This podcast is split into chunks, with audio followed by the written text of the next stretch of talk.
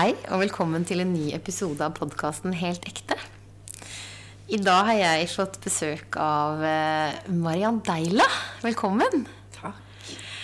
Og vi gikk på videregående sammen. eh, Og jeg har alltid visst hvem du har vært, og hvem du er. eh, Samtidig som jeg ikke har kjent deg. Kan ikke du være så snill å fortelle hvem du er, og hva du holder på med? Jo, det kan jeg. Ja, jeg heter jo Mariann, da, som du sier, og er 44 år. Bor i Porsgrunn med mannen min Bjarne og jentene, jentene våre, Bea og Bertine, og hunden Bobby. Og der så driver jeg mitt eget firma. Eh, I 2013 så oppdaga jeg- kan jeg vel si, oppdaga mitt kall her i livet. Som er å eh, hjelpe andre mennesker til positive endringer. Bistå andre til utvikling, sånn at de kan få det enda bedre med seg selv.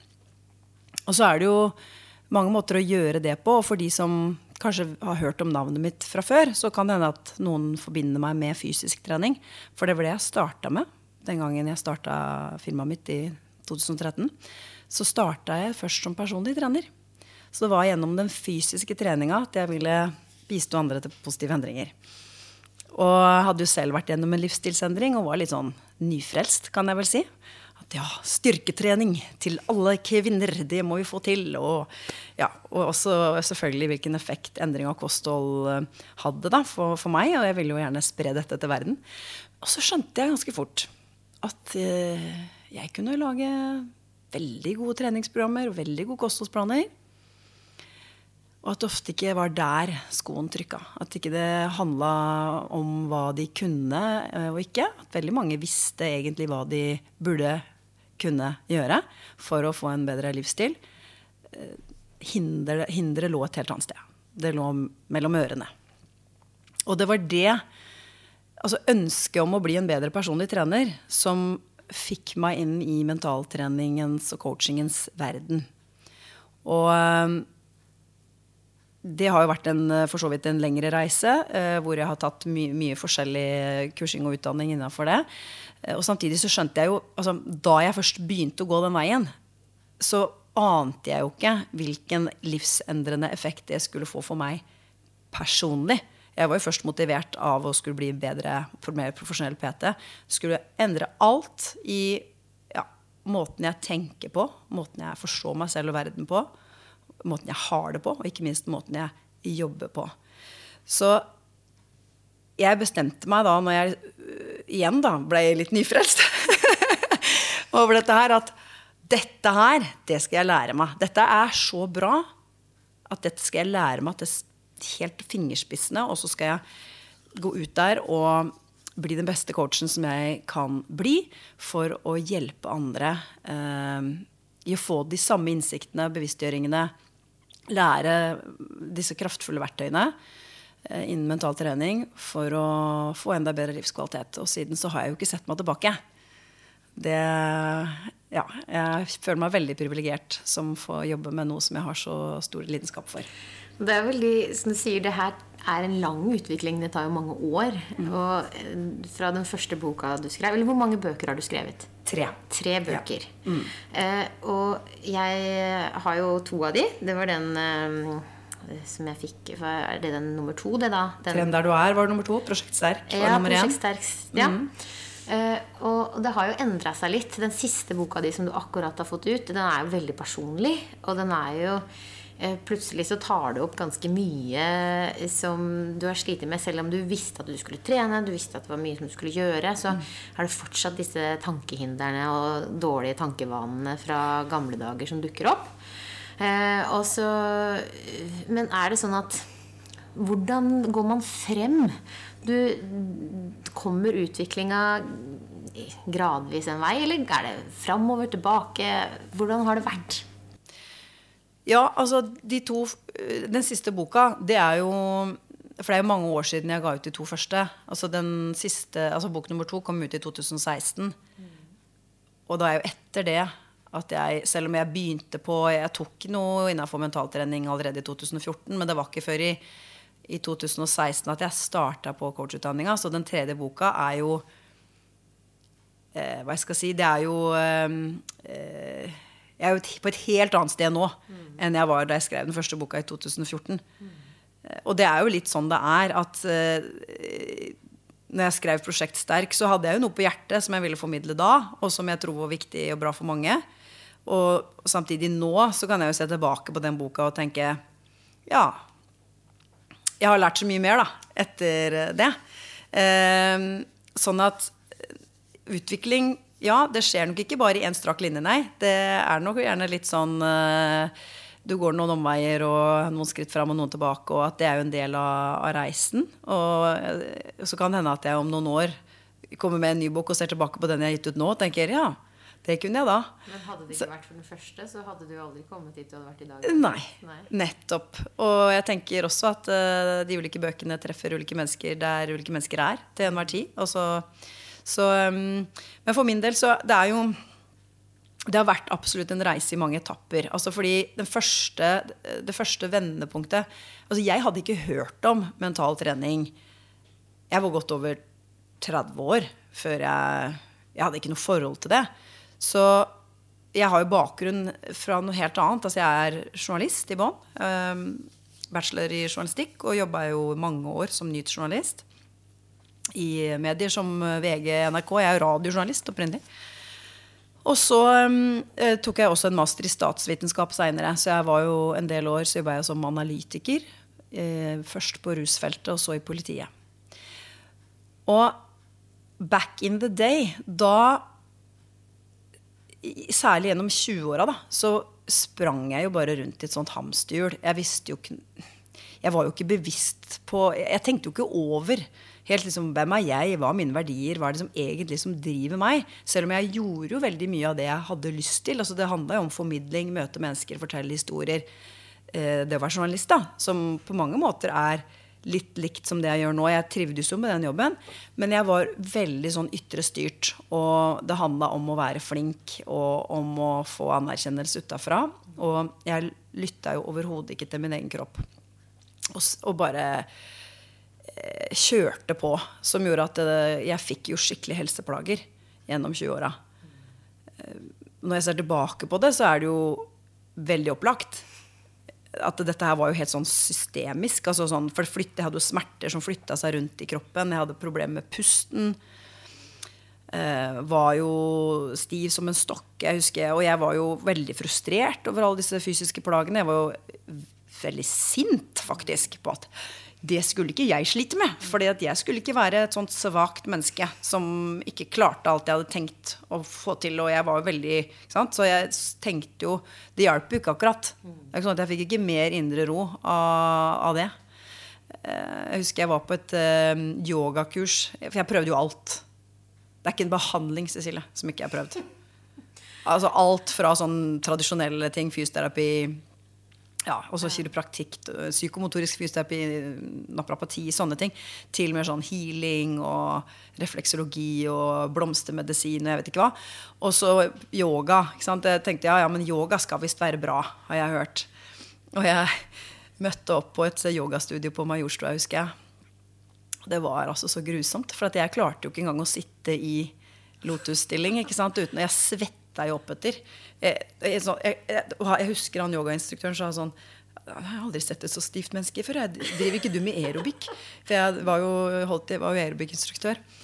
Jo, jeg, måtte sitte inntil en vegg for å klare å slappe av. Og alle andre så så avslappa ut med sånn indisk mantramusikk i bakgrunnen. Jeg bare Kødder du med meg, liksom? Skal vi slappe av her? Så, så jeg prøvde jo å fikse det som var på innsida, med ytre ting. Men jeg var jo ikke egentlig klar over Jeg var jo ikke klar over at dette her handla om hvordan jeg tenkte om meg selv, om verden, om selvfølelsen min. da. Og det var jo ikke det at jeg levde et elendig liv. Jeg vil jo ikke si det. Det var jo ikke sånn at jeg, så jeg hadde det jo jeg hadde det jo fint. Det var jo ikke det. Men det var liksom bare sånn livet var. At jeg hadde disse plagene det irriterte meg over. Og så sprang jeg fra det ene til det andre. Men jeg var nok kanskje litt sånn nummen. Jeg kjente liksom ikke helt på Jeg kan ikke huske at jeg hadde sånn veldig mye glede. Det var liksom gønne på fra det ene målet til det andre.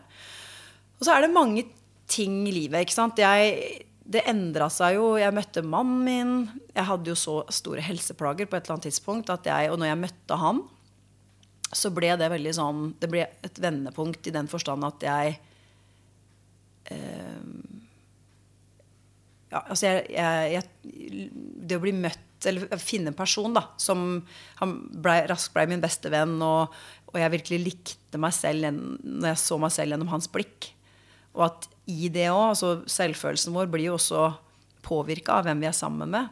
Og det for meg ble veldig sånn Jeg visste at dette er noe godt i livet mitt. Og det bare når, jeg, når det, han kom inn i livet mitt, så var det bare sånn Han skal jeg holde på.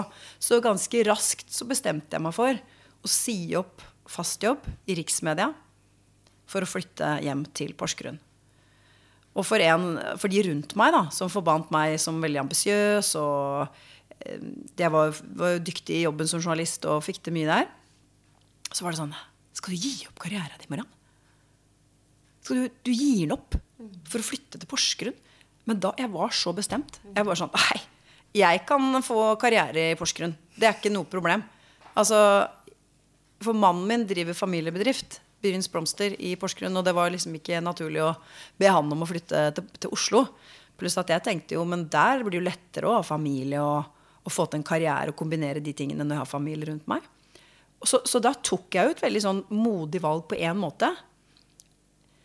Og det var også et vendepunkt. Og at jeg fikk det jo også bedre på mange måter når jeg gjorde det. For det, det blei liksom litt roligere, og press, det ytre presset ble mindre. Samtidig så hadde jeg fortsatt ikke tatt tak i noe av det på innsida. Så jeg fortsatte de samme mønstrene. Og jobba og jobba og jobba, beit tenna sammen og bare Jeg skrev master i statsvitenskap, ikke sant. Og det var helt sinnssykt. Jeg satt og jobba syv dager i uka i fire måneder. På 17. mai satt jeg som den eneste personen på lesesalen på Blindern. Skal ikke hvile, nei! Og klak, satt på tastaturet, da. Eh, fikk jo riktignok veldig godt resultat. Eh, men det hadde jeg nok sikkert fått eh, Jeg tenker ikke at det er på grunn av. Jeg tenker at det er på tross av. Men jeg trodde at jeg måtte jobbe så hardt for å få gode resultater. Og det var en ganske sterk overbevisning jeg hadde. da, Om at jeg må jobbe mye, mye hardere enn alle andre. Jeg må jobbe mest, Det er den som jobber mest, som får mest suksess. Og middelmådighet det er lavmål, og hvile er for pyser. Det var liksom trossystemet mitt. da. Så jeg fortsatte med det. Og ja, så, så, det er mange ting. Fikk barn, det var, et, var viktig. For da måtte jeg jo roe ned. Igjen, det var litt sånn ytre ting. ikke sant? Ikke, jeg hadde jo ikke tatt noe indre oppvask. Men da, likevel så påvirka det meg. Jeg fikk jo nye perspektiver i livet. Fikk barn. Da var jeg ikke bare karriere-Mariann. Um, jeg var også en mamma. Og det var veldig sunt og bra. Og så var det faktisk det som fikk meg over til fysisk trening. Fordi etter jeg hadde fått førstemann, så skjønte jeg ikke hvorfor ikke jeg klarte å gå ned de kiloene som alle sa at eh, det er bare å amme av seg. Liksom. Bare, det, det skjedde ikke med meg. De satt fast, følte jeg. Og det var det som fikk meg til å oppsøke en PT. Og da var jeg jo blitt mye bedre i kroppen. For jeg, ja, jeg glemte å si, jeg forlot jo journalistikken også. Det også var et ganske stort valg når jeg gikk over til eh, jobb i det offentlige. da. Først på rusfeltet, så i politiet. Som også var en veldig rolig tilværelse. Så jeg fjerna på mange måter de ytre triggerne altså sånn som I journalistikken er det jo daglige tidsfrister og veldig sånn eh, jag. ikke sant? Mens eh, i det offentlige så er det jo ikke det. Det var jeg som satte mine egne tidsfrister, og det var mye roligere da. Og det roa jo hele mitt eh, nervesystem. I tillegg til at jeg ble gravid, og så slutta jeg med all den kondisjonstreninga. Som jeg drev jo bare med sånn jogging og hopp og sprett. Som ikke sikkert var sånn kjempebra når stressnivåene allerede var sikkert ganske høye. Og så, da etter at jeg hadde fått førstemann, og jeg Eh, begynte å trene med PT, så var det, det var en skikkelig game changer. Altså. For det var kjempebra for min kropp. For jeg har Og jeg vet, ikke, jeg vet ikke om det er noe mer enn for andre, men jeg opplever da at uh, stress setter seg veldig kroppen, lett i kroppen min. Da. Altså sånn, hvis jeg sammenligner med mannen min, som også kan ha høyt tempo, sånn, men han har nesten aldri vondt noe sted. Og han kan ha, Det kan gå mer utover kanskje hans søvn, og sånn da, altså, med sånne ting, men for meg så setter det seg lett i muskulaturen og det er kanskje litt forskjellig fra person til person.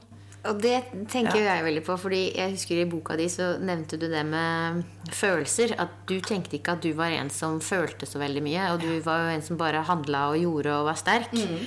Mens eh, det du forteller meg der, med at du får lett eh, symptomer av stress. Mm. Det sier meg at du egentlig er et følelsesmenneske. Du er jo egentlig en som tar inn veldig mye. Ja. Og også sånn som når du går tilbake og forteller i boka di om da du var liten, og hva du opplevde der eh, Mm. med mammaen din atferd. Eh, at du tok inn så mye og lærte så mye av det du så rundt deg. Så det var bare din overlevelsesmekanisme som du har fortsatt med hele livet. Ja. som, som igjen viser at du egentlig kanskje er et eh, følelsesmenneske som tar inn veldig mye, tenkte jeg. da Og det syns jeg er Ja. veldig spennende. Ja, det var en spennende refleksjon, og det kan nok kanskje stemme, ja. Eh, for jeg ser det jo veldig på datteren min, som jeg kan kjenne meg igjen i en del. Hun er jo veldig følelsesmenneske. Og kan kjenne igjen at hun har liksom en del av de mønst samme mønstrene som meg på en del ting. da. Altså litt sånn tendens til å perfeksjon, ville perfeksjonere og um, Men forskjellen er jo at i dag så har vi et samfunn hvor vi altså Jeg møter jo henne på en helt annen måte enn det jeg ble møtt. Eh, som hun får spille ut alle disse følelsene. Men det gjorde jo aldri jeg.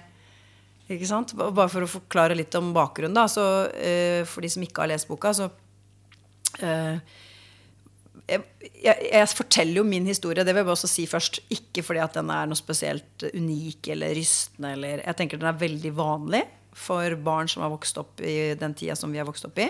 Sånn 80-tallet. Og det er derfor du er her, for jeg kjenner meg jo så igjen. Det er Ja. jo på en måte min historie også. Ikke sant? så det er derfor jeg syns at dette her er kjempespennende. Ja, og jeg tror det er for, for veldig mange som vokste opp på den tida, at det, det, mentaliteten, altså foreldreoppdragerstilen, var veldig sånn Ok, jo mer selvstendig barna er, jo tidligere, desto bedre. Vi var jo litt mer overlatt til oss selv, ikke sant? Og det var sånn det var. Det var litt sånn slutt å grine og ta deg sammen og eh, For det var jo sånn de selv var blitt oppdratt. Eh, Og så hadde jeg da en, en mamma som var psykisk syk som jeg lærte Eller skjønte først, eller fikk vite da, først når jeg var eh, voksen, egentlig. Eller sånn kanskje 17-18. Men hun hadde jo mer enn nok med seg selv. Naturlig nok. Hun hadde jo dager hvor hun lå i, senga og ikke kom seg opp, for hun hadde så angst. Men det var jo ingen som snakka om det. Og hun gikk til legen og fikk bare beskjed om at eh, du må bare skjerpe deg. Så mamma gjorde jo så godt hun kunne. eh, og var jo der for oss, men hun hadde jo ja, tror, ja, mer enn nok med seg. i tillegg til at, Så, så det blei veldig sånn at ja, men jeg skjønte tidlig at ok, jeg ble god til å lese mammas signaler, for hun var litt uforutsigbar. ikke sant? Opp og ned i humør og kunne ha et veldig temperament. Så ble jeg veldig god til å liksom ok, justere meg, et, bare tilpasse meg, da. Og, og klare meg selv. Så da leste du signalene veldig tydelig. ikke sant? Ja. Tok inn sånne tok det nonverbale inn. Jeg, jeg gjorde nok det. Jeg gjorde det, absolutt.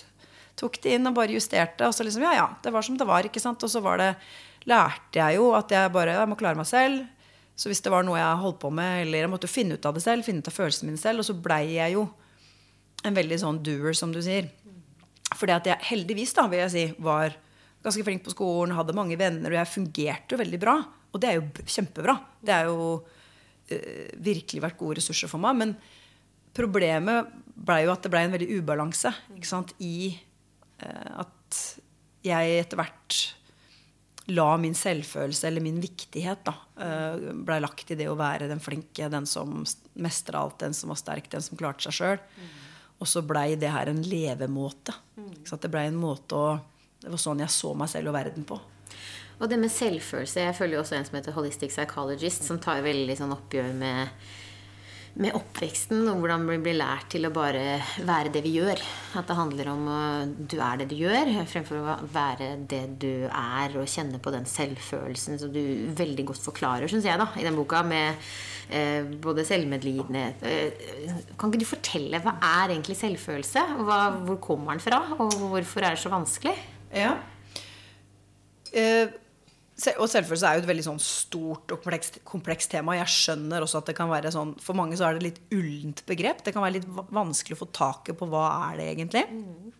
Og en definisjon er eh, at selvfølelse er eh, å føle seg verdig sammen med andre i fellesskapet. Altså det er en følelse av å ha en rettmessig plass i flokken.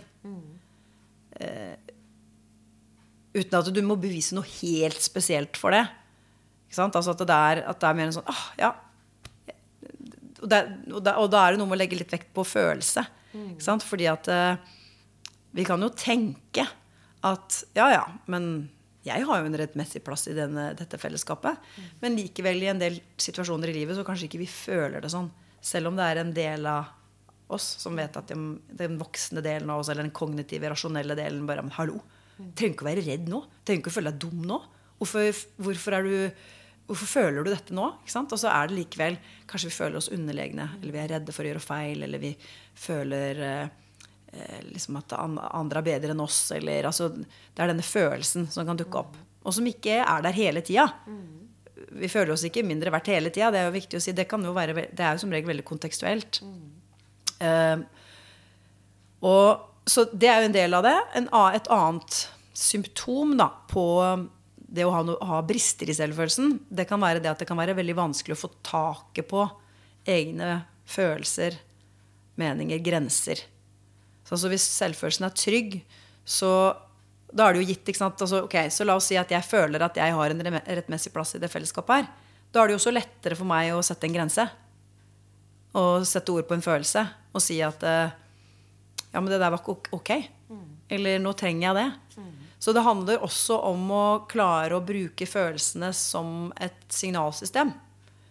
Og få taket på hva er det jeg liker, hva er det jeg ikke liker kunne svare på sånne spørsmål.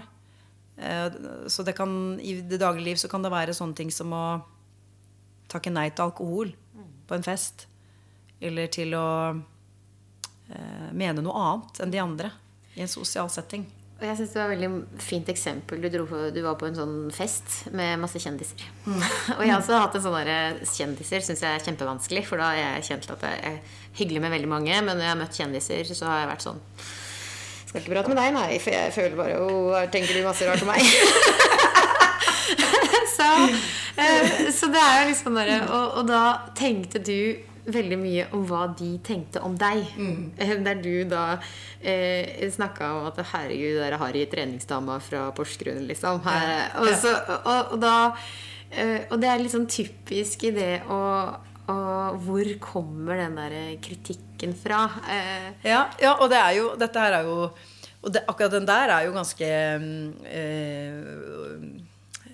altså vi blir jo, Selvfølelsen vår blir jo forma eh, Særlig altså De første leveåra er jo vik, veldig viktige. Men den blir jo forma også gjennom barndommen og ungt voksenliv. ikke sant? Og for så vidt forma hele livet. Men det er jo liksom grunnlaget dannes jo de første leveåra. Og jeg eh, eh, når det kommer til akkurat det med følelser og sånn, og det er grunnen til at jeg, liksom, det at jeg stengte av følelsene mine, det handla jo om at jeg tidlig fikk en tanke da, om at ok, jeg må klare meg selv. At Jeg, det er jo ikke noe jeg tenkte bevisst nødvendigvis, men det, bare, det er jo det vi lærer implisitt gjennom de vi, blir, altså de vi møter, altså voksenpersonene vi møter i livet vårt. Hvis f.eks. du ikke er vant til å bli møtt med trøst, så på et eller annet tidspunkt så oppsøker du ikke trøst. For du er ikke vant til at det er noen der. Ikke sant? Så da bare tilpasser du deg ved å bare Ja, men jeg får bare finne ut av det sjøl. Mm. Eller hvis eh, hver gang du sier noe, eh, eller du har en følelse, at du blir bedt om å bare Hysj! Nei, ikke nå. Så lærer jo barnet da at ja, men mine behov er jo ikke så viktig. Min mening er ikke så viktig. Og, og, og derav kan det også bli veldig vanskelig å klare å få tak på sine egne tanker og følelser. Mm. Så det er jo det ene. Så det andre, da, eh, som går på litt det som du er inne på nå, som det handler jo også om at vi blir forma av kulturen vi vokser opp i. og sånn, og Du og jeg vi har jo vokst opp i Porsgrunn, og der snakker vi jo ganske breit. da, ikke sant? Og så overdriver jeg litt, da, men det er jo mange som, det er jo mange som snakker sånn i, i Grenland. Eh, og jeg har vokst opp i en familie som Det var ikke noen bøker der. Altså, det var, eh, de er jo arbeiderklassefolk. Eh, har lært masse, liksom, masse bra i livet. Det er ikke det det går på. Men akkurat ble ikke snakka politikk rundt bordet. Det var liksom ikke sånne samtaler vi hadde. Sånn at Jeg hadde ikke tenkt så mye på det, men jeg husker et, liksom, noe som skjedde med meg jeg, For jeg begynte å studere journalistikk da jeg var ganske ung. Jeg var 20, 21 år, jeg var nest yngst i hele kullet. For på den tida der så var det ikke ungdom, eller det var ikke sånn ungdomskvote. eller det var, Alle var liksom sånn 5-26 år. stort sett hadde, Og mange kom fra såkalte møblerte hjem. Eller de hadde eh, foreldre som eh, var lærere, eller som var leger, eller Og jeg kjente så på det. At jeg hadde, at jeg følte at jeg kunne så lite i forhold til de. Og jeg glemmer ikke en av de aller første forelesningene vi var på. Det her skriver jeg ikke om i boka, faktisk. Det var en historie som ikke kom med. Eh, den er, den er ganske bra. Jeg sitter da på en forelesning i sosiologi i, eh, i Volda. I et sånt stort auditorium. Jeg er helt ny, jeg er ung og jeg ikke sant, kjenner ikke så mange. Og så kommer det en sånn professor og skal snakke om sosiologi. Og så begynner han også å snakke om Og det er i hvert fall sånn her jeg lagra dette minnet. Det er ikke sikkert det var akkurat sånn det var. Men han, jeg husker at han hadde liksom pondus og hadde på seg sånn cordflare-bukse, og han hadde skjegg og var litt sånn Og snakket litt som dette her. Og så snakket han om uh, Bourdieu og om høykultur og lavkultur.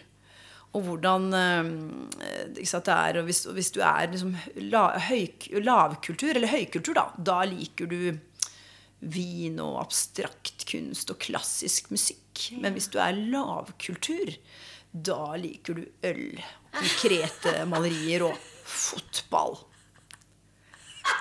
Og jeg bare, jeg bare husker jeg bare sank ned i stolen og bare tenkte Herregud, jeg er lav status.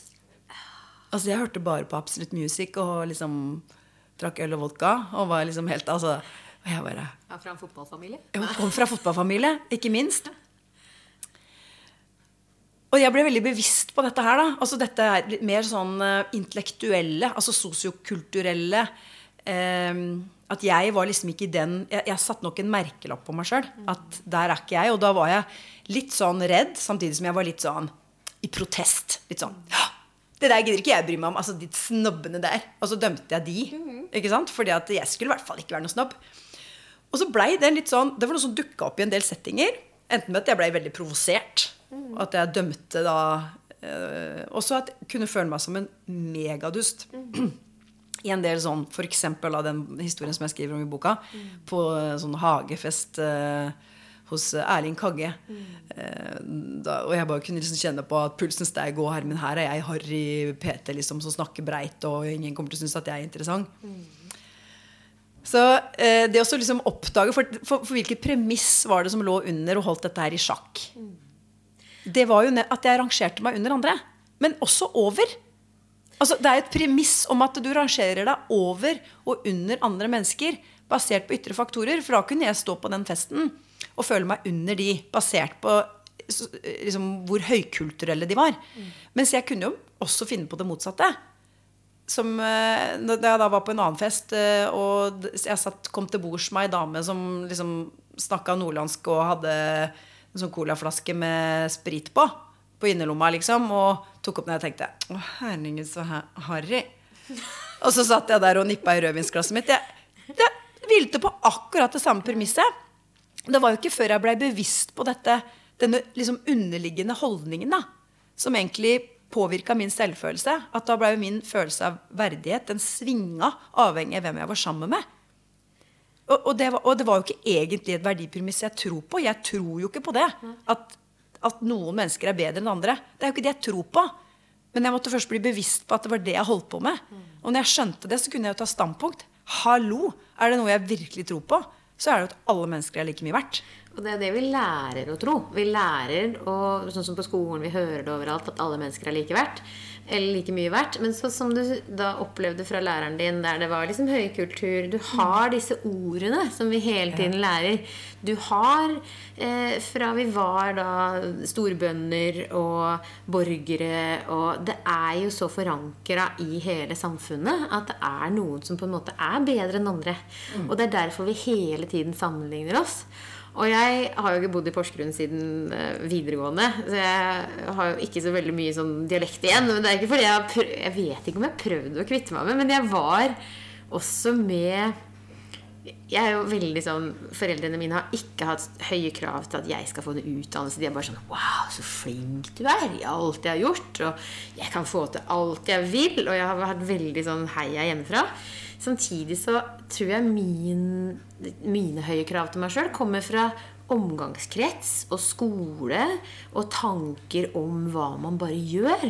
Og der har nok jeg sammenligna meg med veldig mange som bare sånn Og så om det er der dialekten har blitt borte. For det var vel kanskje litt sånn snakk om at herregud, de snakka så Og så har jeg jobba på Meny eh, om sommeren og grilla kylling her, og plutselig så begynner det å, å dra seg til det der. Ja, det kommer tilbake. Ja, det er veldig koselig.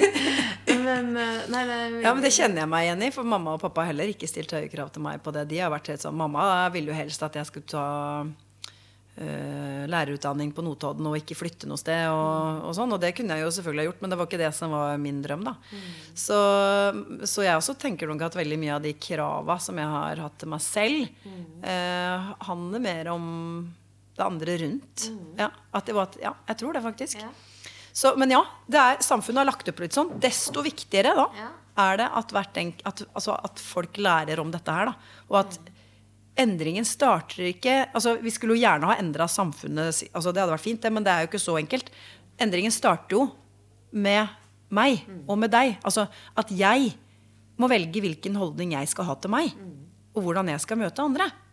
Ikke sant? Det er jo der endringen skjer. Når jeg, altså I det jeg skjønte at hallo etter, altså etter at jeg tok PT-utdanning og alt det her, og når jeg, når jeg liksom, ok, jeg hadde fått det bedre, jeg var på et bedre sted, og jeg dreiv for meg selv, men jeg likevel De samme gamle mønstrene holdt jeg på med, at jeg dreiv og eh, fortsatt var den derre dueren, da. Og jeg tok denne coachutdanninga, og jeg lærte om disse tingene. At oi, løsningen fins ikke der ute. Den fins inni meg. At når jeg bygger min relasjon til meg, og at jeg bygger min følelse av, av verdighet, altså trygghet, og jeg tar tak i de tingene jeg kan ta tak i for å bygge min selvfølelse, da, altså utvikle det ro, øh, robuste fundamentet Alle andre relasjoner springer ut fra det. Den relasjonen jeg har til meg. Og det er jo, det er jo da eh, Det er jo da ting virkelig begynte å skje. Og når du snakker om det der med, med barna våre og hvor vi kommer fra Og der igjen, det handler jo ikke om hvordan vi snakker om mobbing i skolen. Og hva lærerne kan gjøre med mobbing i skolen. Det er jo den jobben vi gjør med oss selv. Og gjør denne helinga i oss som voksenpersoner. Sånn at vi kan lære dette til barna våre. Sånn at de gjør noe annet og bryter mønsteret. da. Og jeg leste jo i, i Aftenposten nå da var jeg, som vant Nocide-prisen av ungdommer, som sa det der at i skolen så ser alle rundt seg når de skal mene noe, og rekke opp handa. For de tør ikke å stole på seg selv og sin egen stemme. Og for de mangler så eh, den derre selvfølelsen. Og russ, man hører disse russebussene og hvordan eh, man ditcher egne venner for å bare være kule og overleve i det derre Så det blir bare verre. Det, går jo gradvis den veien hvis ikke vi voksne gjør en jobb og tar oss sjøl på alvor og lærer noe om oss sjøl for å lære barna våre andre ting, da, andre verdier, enn de ytrestyrte faktorene hele tiden. Det er så sant. Det, vi har kjempestor påvirkning på de. Og så får vi jo ikke da Jeg tenker jo at det er jo ungdomskulturen, og det er jo litt sånn en del av det å være ungdom handler jo også om De er jo litt mer sort-hvitt-tenkende, og det er eh, en sånn tøffere Det er jo litt eh, tøffe tak. Og så handler det da om at vi som foreldre kan være der og støtte de gjennom det. Eh, lære seg å tåle det som skjer. Eh, velge gode venner. Eh, det også at det er en reise, da. Det er også fordi også at vi skal jo også finne ut av hvem de er i disse årene. Så det er så mange ting som skjer på en gang. Og det på videregående så eh, husker jeg jo bare at du var jo en sånn Du var jo ganske kul, var du ikke det? Var jeg, var jeg det? Syns du det? ja, Jeg tenkte, jeg tenkte at du er liksom Mariann er sånn, eh, over meg, kanskje, på eh, hierarkiet. Jeg vet ikke, vi, som, som du sier, da, vi sammenligner oss med forskjellige. Og jeg også tenker jo, hvis man skal gå på hierarki, så tror jeg også at i mitt eh, kull så var jeg også ganske det Jeg var jo russepresident, og så var jeg liksom innafor med det som blei definert som kult. Og så er nok det liksom min eh, greie. At jeg leste også veldig mye utenfra. Så for å holde meg inne med denne trygge Ja, gode venner, selvfølgelig. Har, men eh, at jeg måtte skjule rarheten min eh, og annerledesheten min og være veldig mainstream. Og følge med rundt hva er det som er innafor. Og jeg følte meg ofte kjedelig, for jeg lo jo ikke av de samme tinga nødvendigvis. Eller jeg turte jo ikke å si det rareste jeg tenkte på, Fordi da ble jeg alltid sett veldig rart på. så jeg holdt liksom veldig litt sånn eh, ja. Ja. Og det med Porsgrunn videregående det, Hvordan var det på videregående for deg, da? Hvordan følte du Følte du deg bra da? Var det, er det en sånn god tid, eller følte du var mye høyt stress da? Det var høyt stress, faktisk. Ikke i første gym. Da var det ikke det. Da var jeg egentlig litt sløv. Og da fikk jeg min første kjæreste og sånn. Og så dro jeg til USA. Og øh, det var et veldig tøft år.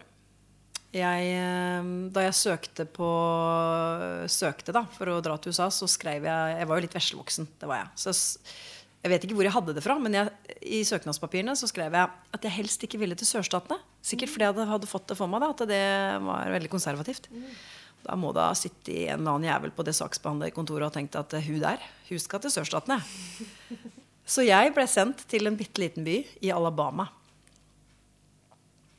I løpet av det året der så gikk jeg fra å være en jente til å bli en ung kvinne. Det vil jeg si. Eh, og jeg ville ikke vært det året foruten, men det var krevende. Fordi at det var eh, et samfunn Det er en egen podkast i seg selv, egentlig. Men, eh, men det var veldig spesielt. Veldig sånn segregert lite samfunn med mye ras. altså, altså det var sånn bitte liten by, men hvor det, den afroamerikanske delen bodde i den ene delen, og den hvite i den andre. Det var planinndeling på skolen, liksom.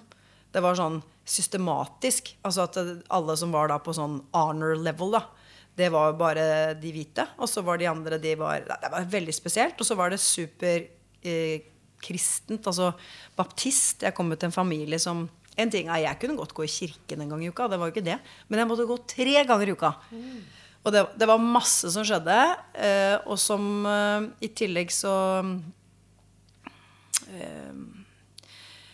var jeg veldig redd for å legge på meg når jeg var der. For jeg var jo opptatt av det, da. At jeg skulle være i god form og sånn. Så jeg ble veldig sånn opphengt i mat. Trena forferdelig mye. I tillegg til at jeg nok ble veldig trigga av det skolesystemet. Det, perfeksjonisten i meg ble veldig trigga, for der var det poeng for alt. Sånn at hvis jeg ikke Jeg var sånn som tidligere pleide å være litt sløv på å gjøre lekser. For du slipper unna med det vet du, i norsk skole. I hvert fall var det sånn før. Mens der gjorde du ikke det. For da mistet jeg poeng. Og jeg ville ikke miste poeng. Så jeg blei jo sånn skolelys, og, som riktignok da gikk ut med sånn derre honor. Jeg hadde sånn gul eh, Du har sett det der når du først får over 90% i alle fag. Og fikk jo til det, selvfølgelig. Men da men når jeg kom hjem, så var jeg en liten maskin. Når jeg kom hjem derfra. Eh, som jeg, sånn at alle de mønstrene som kanskje lå litt i meg fra før, de ble liksom supertrigga der. da Så jeg kom hjem som den maskinen hvor jeg var sånn kjempedisiplinert på trening og på mat og på eh, skole. Og i det, så andre og tregym var litt prega av det. At jeg skulle få eh, Og jeg var sånn Norsk skole! Fy søren, altså. Det er, de er så late. Jeg var litt sånn Lærerne er så late. De kom for seint. Og de krev altså det var, Jeg, hadde- jeg syns ikke standarden var høy nok. Ja. Perfeksjonist, perfeksjonisten fikk bare Det var. Så jeg var, jeg var Når jeg ser tilbake på den tida, jeg husker ikke så forferdelig mye av den tida. For jeg, i tredje gym så var jeg revysjef. Jeg hadde to jobber. En journalistjobb og jobb på matbutikk. Jeg skulle ha fem og seks i alle fag. Og jeg var så strukturert og systematisk at jeg gikk til fransklæreren min og sa sånn eh, Cato, jeg kommer ikke til fransktimen i dag. For jeg sitter på biblioteket og jobber med en annen oppgave. Fordi jeg fant ikke de fransktimene så veldig nyttig. For da hadde jeg de, det var sånn C-fag sammen med idrettslinja. Som var to år yngre enn meg, og de visste ikke hva et verb var engang. Så jeg gadd ikke å sitte i de timene. Eh, og jeg sa fra. Jeg skjønner at du må føre fravær, eh, men det er kalkulert. Så jeg sitter på første vettet. Sånn var jeg. Jeg fikk jo mavesår, liksom. Jeg, på tid der, eller jeg vet ikke om det var det, men jeg husker jeg hadde vondt i magen. Så jeg var ganske ekstrem, Cecilie. Det kan jeg tenke meg. At det, Og det ser man jo ikke. Man, man, det å høre andres historier, det er jo sånn Det er ikke rart du har hatt vondt i kroppen din, tenker jeg. Det er jo ikke rart. Nei. Jeg var en liten maskin. Og så kom jeg jo inn på det journalista ikke sant, som veldig ung. Det var, og, ja, nei, det var, når jeg ser tilbake på det, så jeg var så hard mot meg sjøl. Jeg var så beinhard. Men jeg syns det er også veldig morsomt med den der sammenligninga. Og da de liksom ser hverandre på videregående. Og så eh, er jo jeg sånn at jeg har ikke lyst til å sammenligne meg med andre. Samtidig som jeg ofte har funnet at jeg gjør det. Sånn som det, vi, eh, det med kjendiser eller Og vi møtte hverandre på Farris bad. Jeg vet ikke hvor mange år siden, men ja, husker du? Nei, det vet jeg ikke. Nei, men det er noen år siden. I hvert fall før jeg hadde gjort min, min jobb. Ja. Og, og, da var det sånn at eh, jeg hadde vært Mamma, mamma, mamma var der. Og så bare Ja, der er Mariann. Mariann, deilig og. Jeg kjenner mammaen hennes. Og, der, der, og ja, Mariann har gjort mye, skjønner du. Hun har vært den trening og skrevet bok, og hun er så flink. ja, men så gøy, da. Og så var det sånn at eh, Da hadde jeg vært med på 71 grader nord. Jeg vet ikke om du egentlig visste hvem jeg var. Men hvordan, hva, hva visste du om meg da? Hvem jeg var sammen med der med? Jeg husker hvem jeg var sammen med? Var Nei, jeg husker ikke. Nei, altså jeg hadde vel fått med meg at uh, altså, jeg, jeg, jeg, husker, jeg, husker, deg jo fra videregående. Ja. Men jeg visste ikke så veldig mye. For jeg, jo så, ser jo ikke på så mye på TV. Så jeg hadde jo ikke fått uh, med meg helt. Men akkurat der så husker jeg at jeg syntes det var innmari kleint. Jeg tenkte at det, hadde vært så koselig om vi bare hadde prata med lave skuldre menneske til menneske. Ja.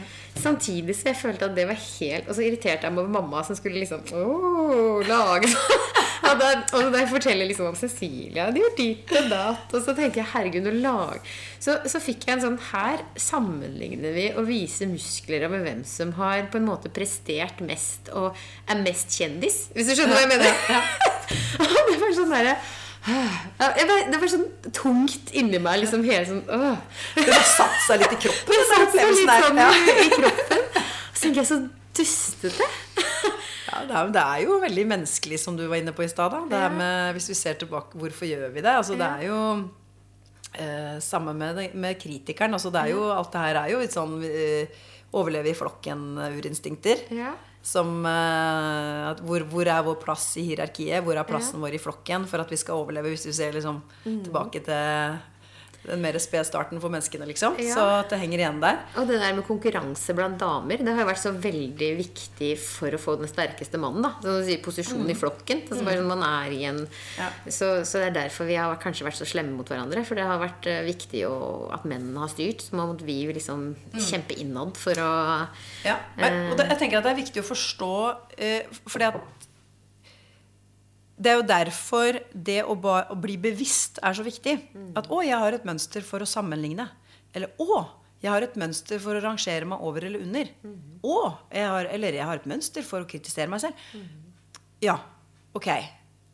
Så er det ikke det vi tenker og føler, som ofte er problemet. Men det er hvordan vi forholder oss til det vi tenker og føler. Mm. Forskjellen, hvis jeg skal tenke for min egen del, da, før jeg lærte om mental trening og etter, før så var jeg bare en fisk som svømte i vannet. Sammen med tankene mine. En fisk vet jo ikke at de svømmer i vann. Jeg er med på den? Så jeg så jo bare verden gjennom de brillene. Uten å være bevisst på hva jeg gjorde. Og så måten jeg tenkte på. Jeg bare tenkte. Så jeg så det ikke i fugleperspektiv. Jeg klarte ikke å ta det skrittet ut. Mens at idet vi skal endre på mønsteret, eller bryte mønsteret, så er jo første steget å begynne å legge merke til at Oi, det er det jeg holder på med. Hva blir jeg trigga av? Ja, jeg blir trigga av at mamma sier det. Mm. Og så kjenner jeg på et, en skam, kanskje, eller jeg vet ikke hva du kjente på da, men et ubehag i magen. Og så tenker jeg Å, herregud, så teit dette her er. Og så liksom, har vi det i gang. Altså, du legger merke til triggersituasjonene og hva det er som skjer. Og så er jo da, Det er jo første steget for å kunne gjøre noe med det. Og det som er superviktig, er jo å huske på at tanker er bare tanker. Mm. Ikke sant? Det er at, eh, for Ofte så tror vi veldig på tankene våre hvis ikke vi er bevisst. Tenker jo at det, det er sånn. Men vi tenker jo så mye rart, vi mennesker. Så idet vi kan ha, få en litt større distanse til mønstrene våre og vite at vi er ikke de mønstrene. Det er atferd. Det er vaner. Det er programmeringer som vi har lært. Og, som, og det føles veldig kjent. Og van, vi er van, akkurat som det er å pusse tenna da, om kvelden. Det gjør vi bare på autopilot. Så handler det om å bryte den autopiloten. Og begynne å øve på å tenke på nye, nye, måter. Og da er første steget det å egentlig møte de tankene med et mer sånn på en ikke-dømmende måte. Være mer nysgjerrig på sine egne reaksjoner.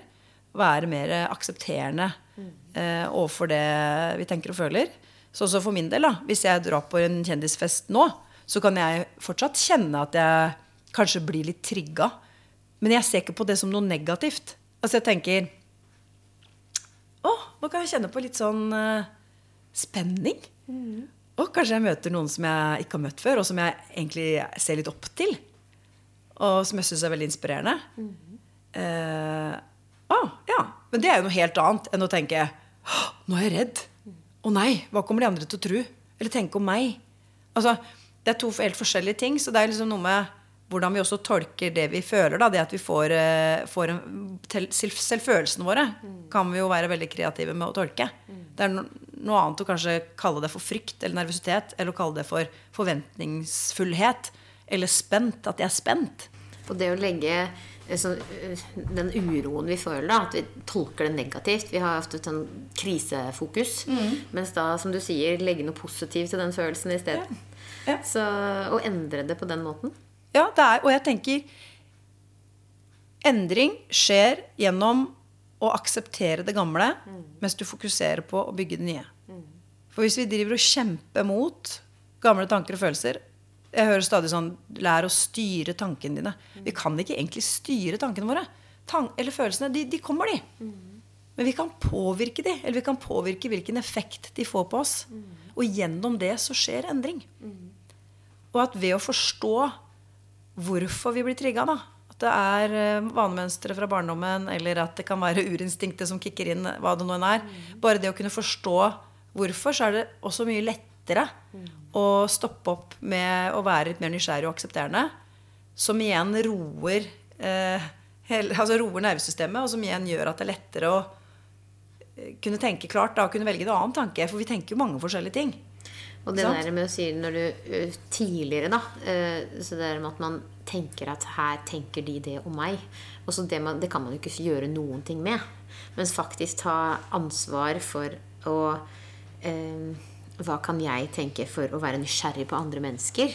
Og vite at eh, det kan jeg kontrollere. Hva er det jeg tenker om andre? Hva er det jeg velger å ha fokus på?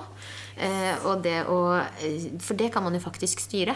Og så vet man jo eh, Det er i hvert fall veldig mange som begynner å ha fokus på det at hva gjør at folk liker da Er det fordi du har en, er flink, har skrevet en master eller gjort prestert et eller annet? Eller er det måten du får andre til å føle seg? Og det viser seg at hvis du er en nysgjerrig person som ser andre mennesker, så vil jo det gi en god følelse hos andre. Og så er den kontakten oppnådd sånn at de kanskje føler seg vel. Og det er også noe som kommer med selvfølelse. At du blir ikke så innmari selvbevisst. Du blir du mindre selvopptatt. Ja. Det er det som skjer. Fordi da har, du, da, kan, da har du ikke den følelsen av at du må bevise noe hele tida. Da kan du bare gå inn i det rommet, og så Ja. Eh, her er jeg. Eh, og, og da er det også lettere å være til stede sammen med andre mennesker. Eh, og rette fokuset utover.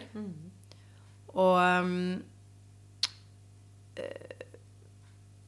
ja, så, så, og en annen ting som jeg bare vil skyte inn her også. Litt sånn fordi mange tenker at eh, selvtillit og selvfølelse er to veldig sånn helt atskilte mentale kvaliteter som liksom ikke skal påvirke hverandre. Og der, det, det tenker jeg at det er liksom, Selvtilliten det er jo troen vår på at vi skal mestre noe.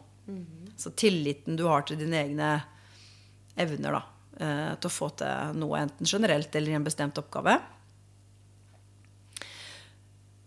Og så er det ikke sånn at de to, altså selvfølelsen og selvtilliten er helt fullstendig løsrevet fra hverandre. Altså, ehm, for det å mestre, det å bidra med verdi, det avler også en følelse av verdi. Altså selvfølelse. Det bygger selvfølelsen. Er du med på den? Det som er problemet, det er når hele selvfølelsen hviler på hvorvidt du mestrer eller ei. Uten aksept for å gjøre feil, og uten eh, selvstøtten, da. Uten det å være, kunne møte seg sjøl på en vennlig, omsorgsfull måte. Det var litt sånn det var for meg. ikke sant? Jeg hadde jo ganske høy selvtillit på mange områder. Men hele egenverdien min hvilte på hvorvidt jeg fikk mestra eller ikke. Sånn at det er det å kunne få en balanse da, mellom ok, aksept, aksept for, for å gjøre feil, for å være sårbar, for å være uperfekt. Vi trenger ikke å like det for å akseptere det. Men det er mer det å tåle at øh, jeg har svakheter. Jeg, ja. jeg har en historie jeg bærer med meg, og det er ting der jeg kanskje ikke liker, men det er som det er. Det er å opparbeide mer aksept for både de tingene som ikke vi kan gjøre noe med, da, men også liksom, ja, det faktum at alle mennesker er uperfekte. Kombinert med da å kunne være vennlig med seg selv, og samtidig kunne sette pris på alt vi kan få til. For det er jo ikke sånn at jeg ikke verdsetter prestasjon og mestring i dag. Så klart jeg gjør det. Jeg liker å jobbe hardt. Jeg liker å ta ut potensialet mitt.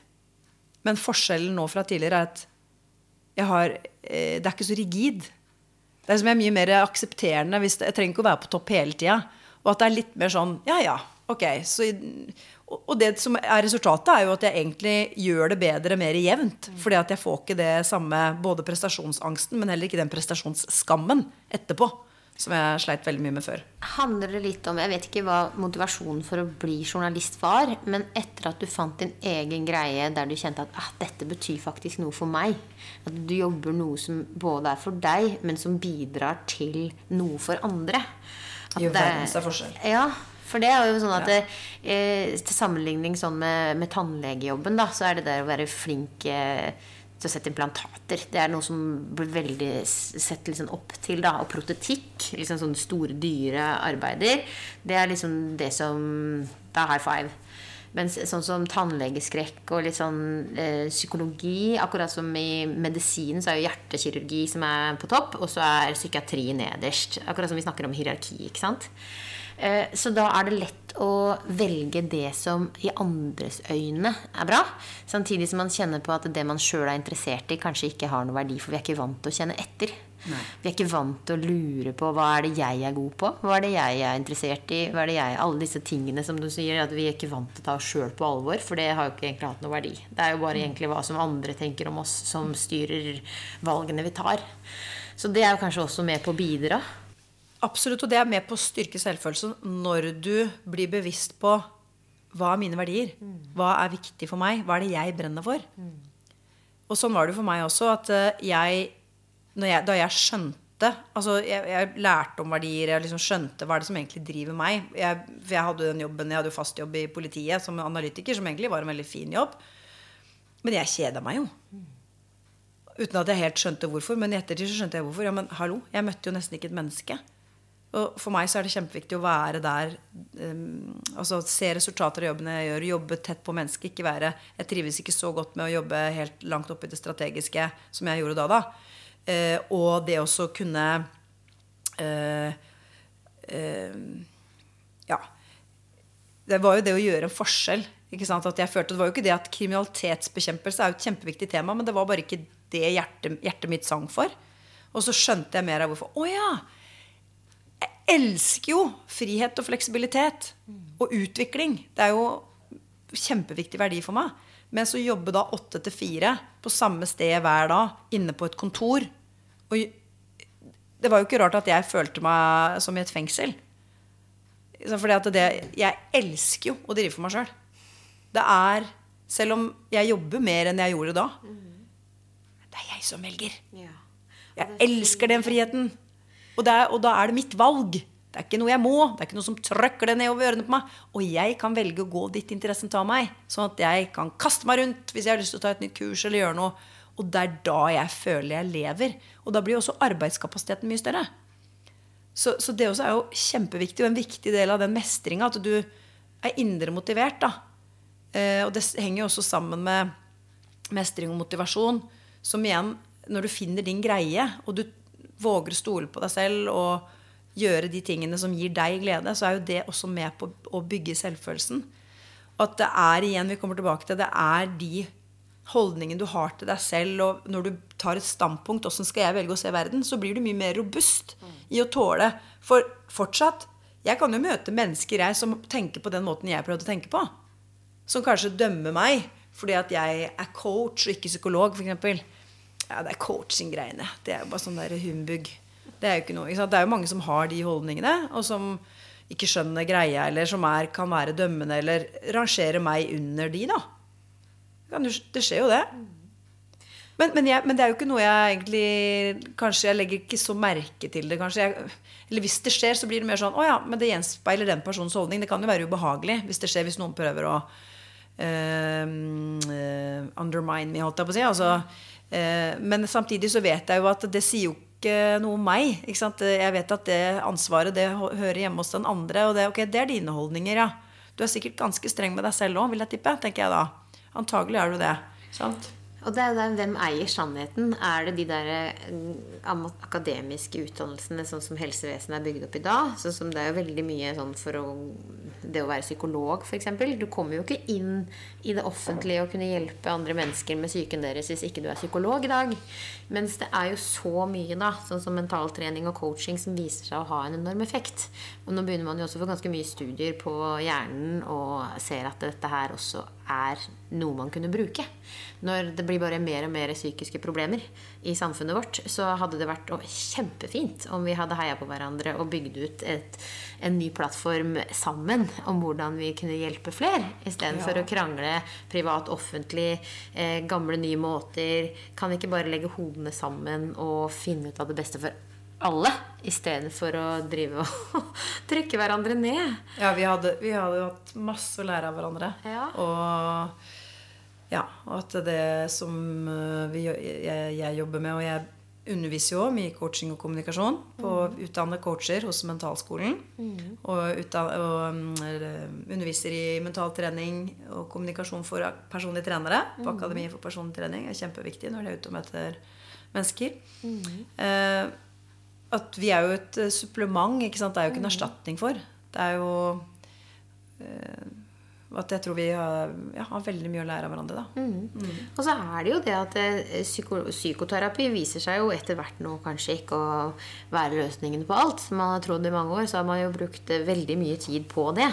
Og så når man da ser hvor effektivt coaching er, og det å gå inn i vaner, gå inn i mønstre, gå inn i den, det indre barnet, og, og hva er det som ligger der i underbevisstheten min som kanskje må bearbeide litt for å endre kurs. Så, så er det jo så mange nye måter å ta fatt på ting på enn det vi har gjort i, i lang tid. Mens, og så er det sånn Nei, sånn har det alltid vært. Så da må vi bare bygge videre på det. Det er som et gammelt journalsystem som vi bygde da så, Da datamaskinen kom, så skulle vi begynne å daten, eh, legge all journalen inn på data. Og så er alle løsninger som har kommet inn etter det, det må bygge på hvordan datamaskinen fungerte da datamaskinen kom.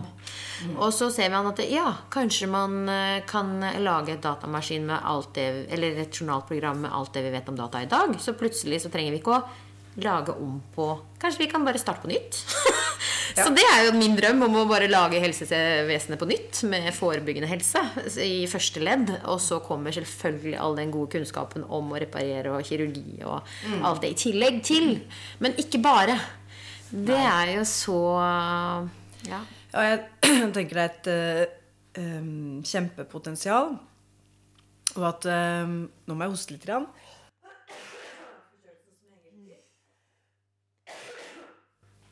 Å. Jo, og så er det jo kjempebra hvis, uh, at det kommer mer eh, forskning også, da. Fordi at coaching er jo et veldig Det er ikke det å være coach, det er ikke noe beskytta tittel. Det er, et, det er liksom utvanna. Hva er coaching? Det er veldig forskjellig avhengig av hvilken coach du spør. Så det er ikke så lett å forske på det heller. Men jeg brenner også veldig for å profesjonalisere coaching som fag, og det er jo det vi gjør i Mentalskolen, som nå er jo en, eh, en toårig utdanning, da. Eh, og det er et veldig praktisk fag. Ikke sant? Du kan, kan ikke lese deg til å bli en god coach. Ja, det er selvfølgelig viktig å ha mye teori og psykologi og etikk og jussen og sånn i bånn. Så er det først og fremst et håndverk. Det er et modningsfag som må øves inn. Og læres og øves og øves og øves på over tid. Og, eh, ja. Så det er spennende ting som skjer også innenfor coachingverdenen, med ny bransjestandard som kommer, med eh, krav da, til eh, Altså Vi har jo Den norske coachforening, som allerede har vært der. Jeg er jo- er sertifisert via Den norske coachforening. Eh, hvor, det, hvor eh, det er visse skoler som er godkjent i det systemet. Og at da stilles det visse krav til mengden timer og øving og eh, hva som skal være pensum, sånne ting som det. Men dette her er i ferd med å oppgraderes. da.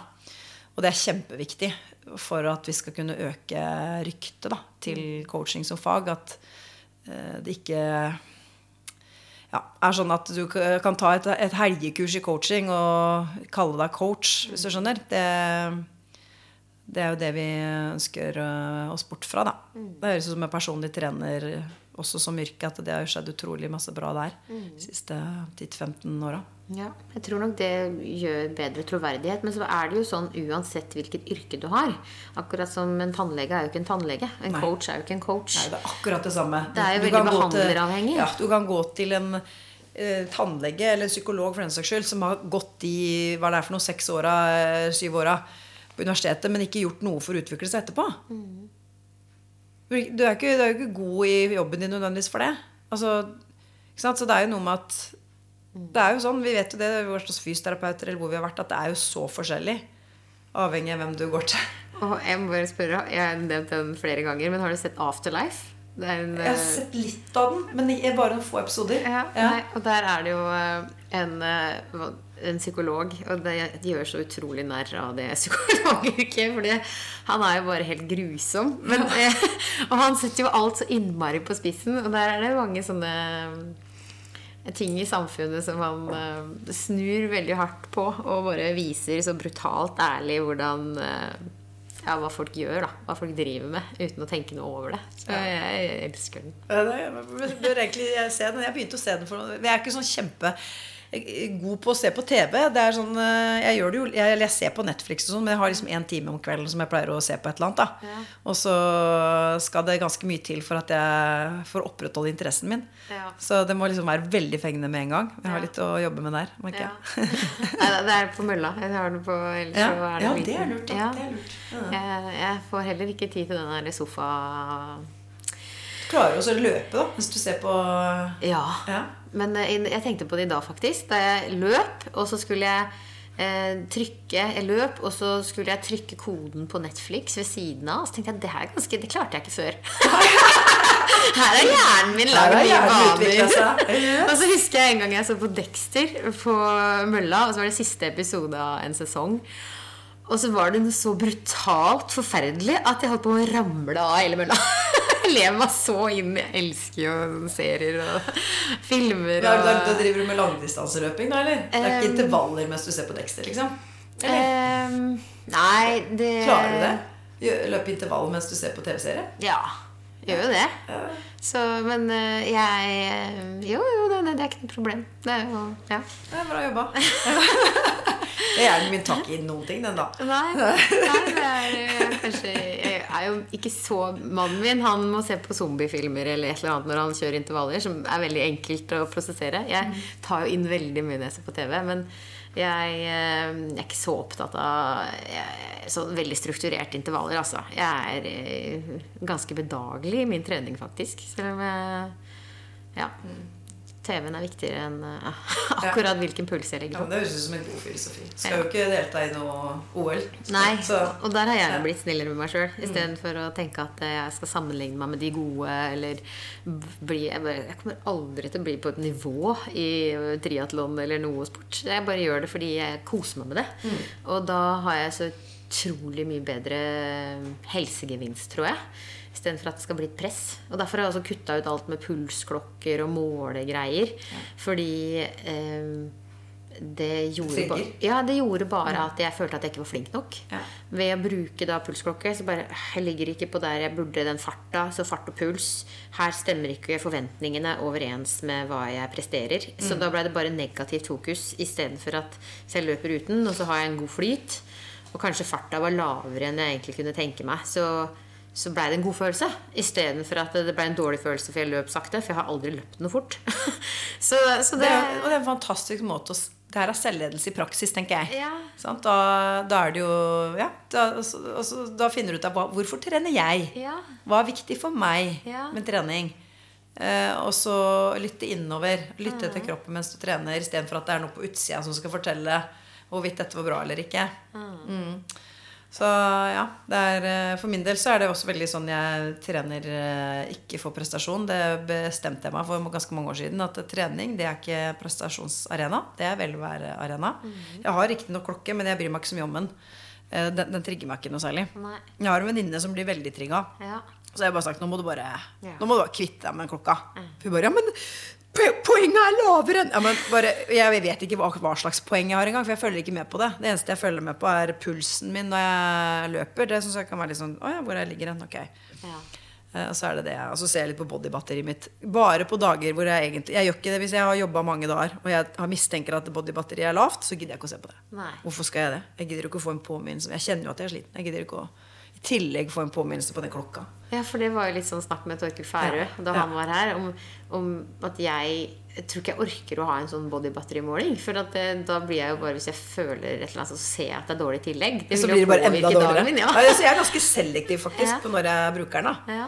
Så hvis jeg, hvis jeg eksempel vet at jeg har hatt en lang arbeidsuke, og så har jeg kanskje vært sosial på fredag drikke litt alkohol, Ja. jeg gidder jo ikke å kikke på den på lørdag, da. Nei. Kan bare vente. Men du la jo ut en del den uka som har vært, så har du lagt ut en del om at du var sjuk. Og at du kanskje var, var du skuffa over kroppen din. Eller hva, hva var holdningene dine til det å bli sjuk? Du, vet du hva? Holdningen min er egentlig ganske god. Ehm, jeg sa jo til deg i stad at jeg er dårlig på å være syk, men med det så mener jeg at det, det, er egentlig ikke helt riktig faktisk å si at jeg er dårlig på å være syk, for jeg, jeg aksepterer det veldig fort. Og så tar jeg tak i det jeg kan ta tak i. Det jeg syns er kjedelig, det er jo å avlyse avtaler. Det liker jeg ikke, da. Men jeg trenger ikke å like det for å akseptere det. Ikke sant? Så den delen av det liker jeg ikke. Så nei, vet du hva, jeg, jeg blei forkjøla, og det er andre gang jeg blir forkjøla nå på et par måneder. Jeg har jo lansert bok i, i høst og har jobba mer enn jeg pleier. Og det er nok bare et resultat av det. At eh, jeg har kjørt kroppen litt uh, hardt. Og så eh, tar jeg det på alvor. Så nå har jeg egentlig i helga I helga så hadde jeg jo masse planer. Avlyst alt. Og bare ligge på sofaen. Og gjort minst mulig. Det er klapp på skulderen. Det er klart på skulderen. Og så i går Det er også sånn tegn på litt sånn tenkte jeg på. Ja, det kan jeg nevne på podkasten. For litt sånn hvis det blir spørsmål om hva er forskjellen nå fra før, da. For før så var jeg jo veldig selvkritisk og uh, kunne ha mye det som jeg kaller for prestasjonsskam. En ting er prestasjonsangst, men det er den skammen etter å ha levert noe. Jeg kunne banke meg sjøl veldig opp hvis jeg ikke innfridde mine egne krav på noe. Så kunne jeg gå og nege på det veldig mye. Eh, I går så hadde jeg en aerobic-time. Jeg har treningsgrupper som jeg har hver mandag. Så var det liksom sesongstart for uh, endorfinkick, som jeg kaller det. Så en aerobic-time. Det er en koreografert time. Og den har jo ikke jeg hatt så veldig mye tid til å lage. For jeg har jo vært uh, sjuk siste uka. Så den blei litt sånn smelt sammen i siste Jeg lagde de siste sangene i går kveld, og jeg hadde jo ikke fått kjørt gjennom. Jeg var ikke noe stressa for det, men jeg hvilte jo hele dagen eh, i går før jeg skulle ned og ha den timen. For nå er jeg liksom på slutten. Det er bare å sitte litt på stemmen. Det var ikke min beste leveranse. Det kan jeg vel si. Jeg huska jo ikke helt Jeg hadde jo bare gjort det så fort, ikke sant? så jeg måtte jo improvisere litt underveis. Og den store forskjellen da at før så ville jeg ba- banka meg sjøl veldig opp for det. Og kanskje det hadde sittet i noen dager. Altså den irritasjonen over at uh, dette her leverte Nå leverte ikke jeg så bra som jeg burde. Mens nå så var jeg, jeg mer sånn jeg er mer litt leken, faktisk, i forhold til det. Litt sånn, ja, ja.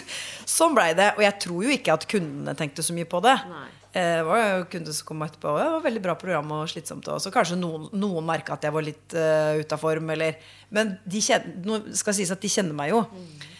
Men, det, men det er liksom sånn det er, Ja, ja, jeg blir litt oppgitt. Ja, ja, sånn gikk det. Men jeg slipper det sånn. Ikke sant? Så at, ok, nå skal jeg fokusere på neste mandag. Så neste mandag da vet jeg i hvert fall hvilke justeringer jeg skal gjøre. Så sa jeg det til kunden nå at eh, folkens, jeg har jo ikke fått kjørt gjennom. For jeg har vært sjuk. Men eh, neste gang så blir det noen justeringer. Og så lo jeg litt.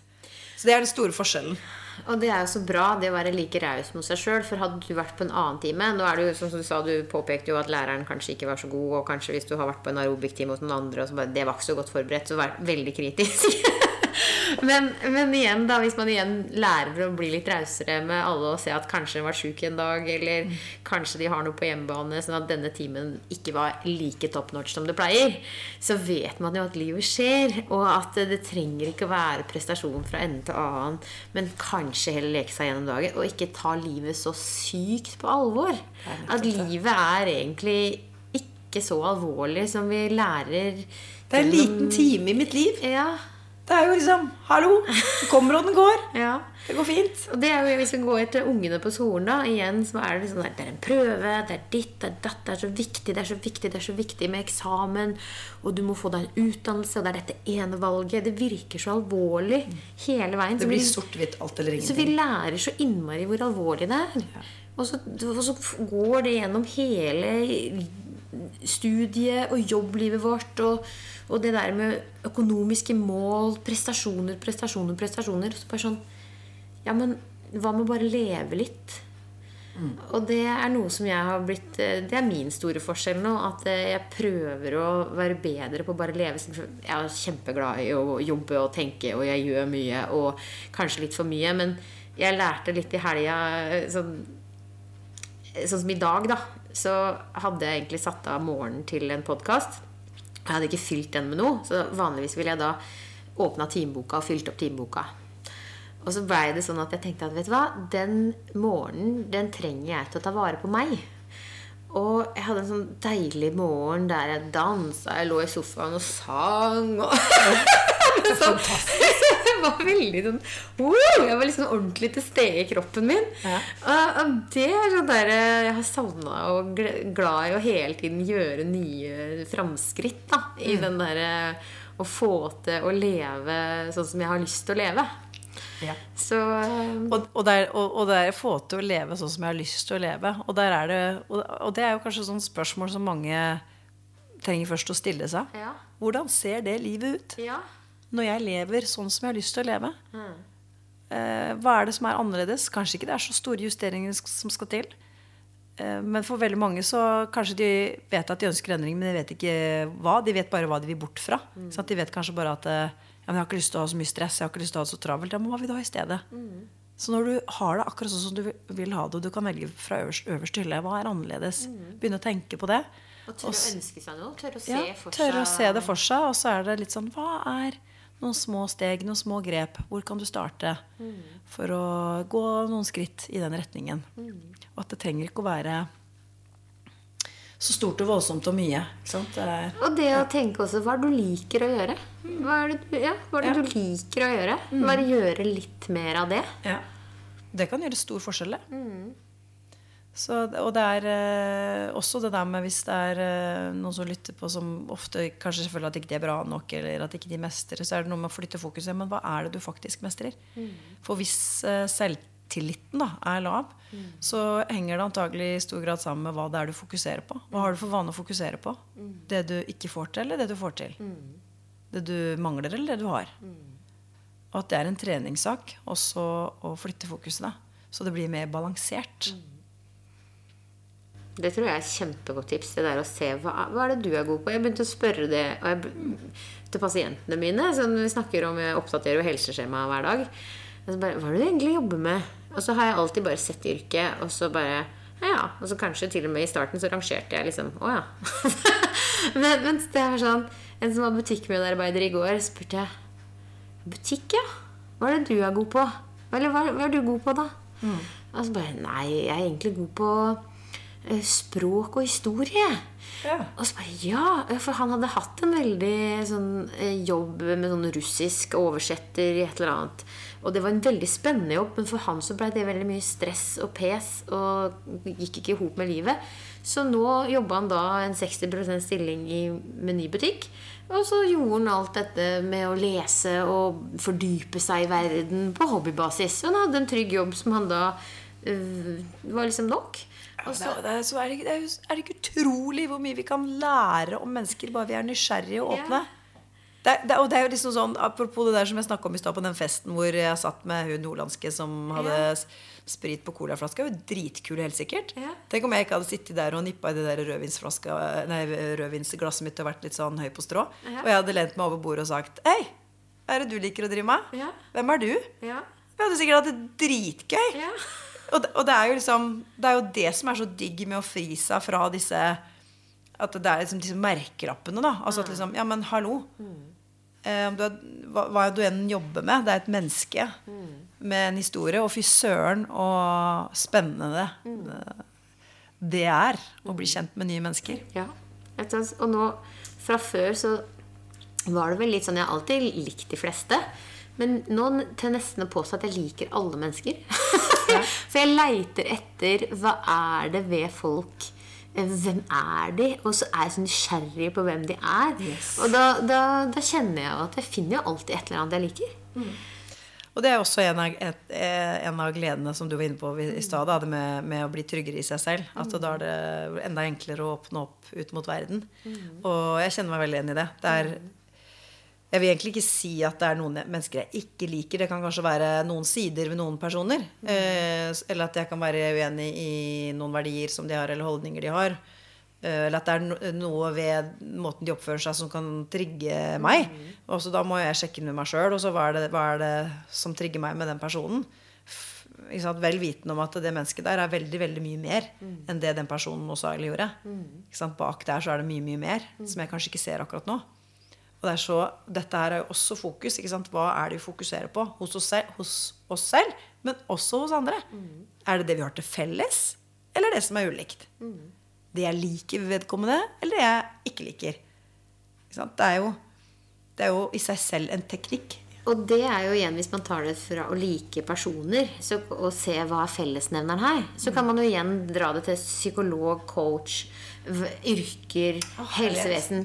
Hva er fellesnevneren her? Som vi kan faktisk bygge på at dere har noe bra, vi har noe bra, og så blir det kanskje enda bedre sammen. Mm. Og det er jo synergieffekt som hele tiden viser seg jo å bare bygge, bygge, bygge istedenfor å bryte ned. Mm.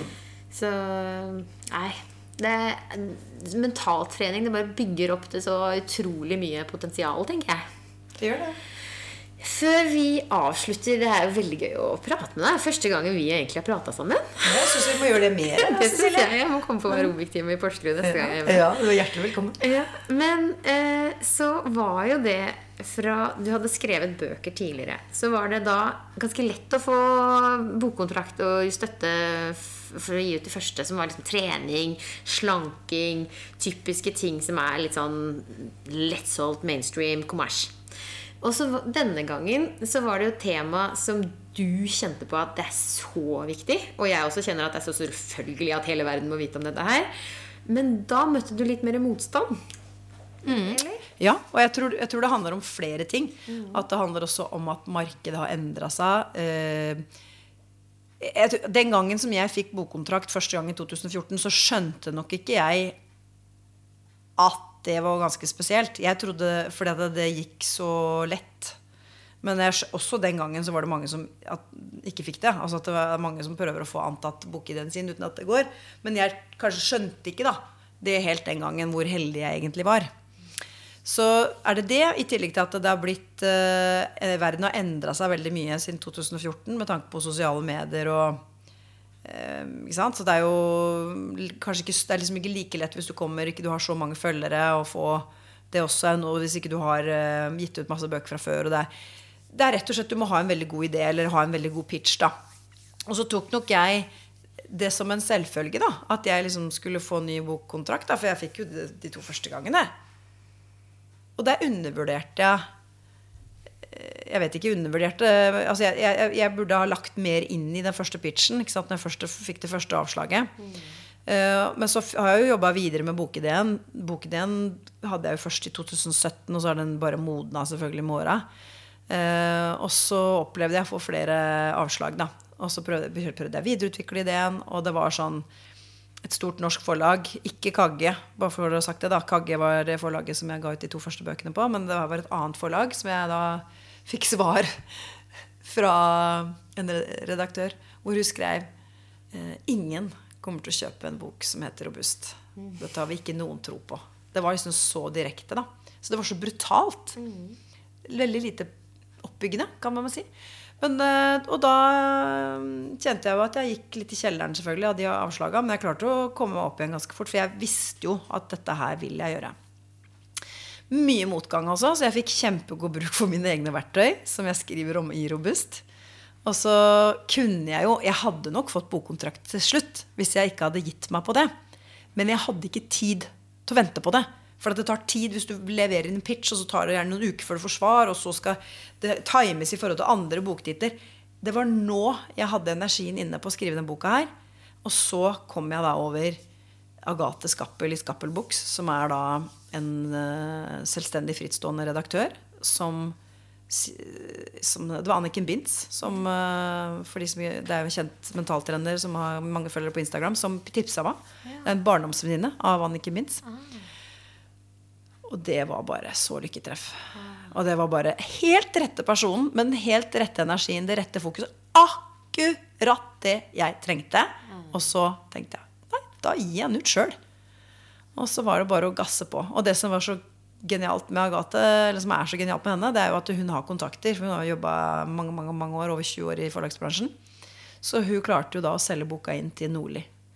Eh, og det var min break. Ja. Fordi at ok, får jeg den inn i bokhandel, da handler det om å få opp det forhåndssalget. For det er om igjen å gjøre å komme inn på den bestselgerlista. Og det er ikke pga. prestisje, bare for det jeg har sagt. Det, jeg har sagt, det er rett og slett pur, pur synlighet. Mm. Det har med det å gjøre at når jeg først har skrevet en bok, så vil jeg at flest mulig skal lese den. Og det var jo derfor jeg var så opptatt av at den skulle inn på den bestselgerlista. Fordi at når den kommer inn der, så blir den lagt merke til. Og da, flere, da, kommer flere bokhandlere til å ta den inn. Flere butikker. Og den fikk da en kjempegod start, som gjør nå at du får tak i den stort sett over hele landet. Og for så vidt overalt på nett. da. Mm. Men det var det som var ønsket. da. Mm. Og det var det som først holdt meg tilbake fra å gi ut selv. For jeg tenkte ja, men jeg kommer ikke til å klare å nå ut til massen, da, for å si det sånn, hvis jeg skal bare gi ut selv og bare reklamere for den i mine kanaler. Men når jeg skjønte at det var faktisk en annen vei inn da, mm. via Skap og Agathe, så løsna det. Så det, jeg er veldig stolt av det. Jeg er veldig takknemlig og glad og ja, kjempefornøyd mm. med at um, ja, boka har fått den starten og kan nå ut og hjelpe mange, da. For det er jo det som er. Du, det er som du sier, forskjellen fra å prestere, det å bevise kontra det å bidra. Du har jo et bidrag som du føler er viktig for verden. Mm. og, og, hvis du skriver en bok og ingen leser den, så Så hjelper, Da hjelper jo ikke det noe.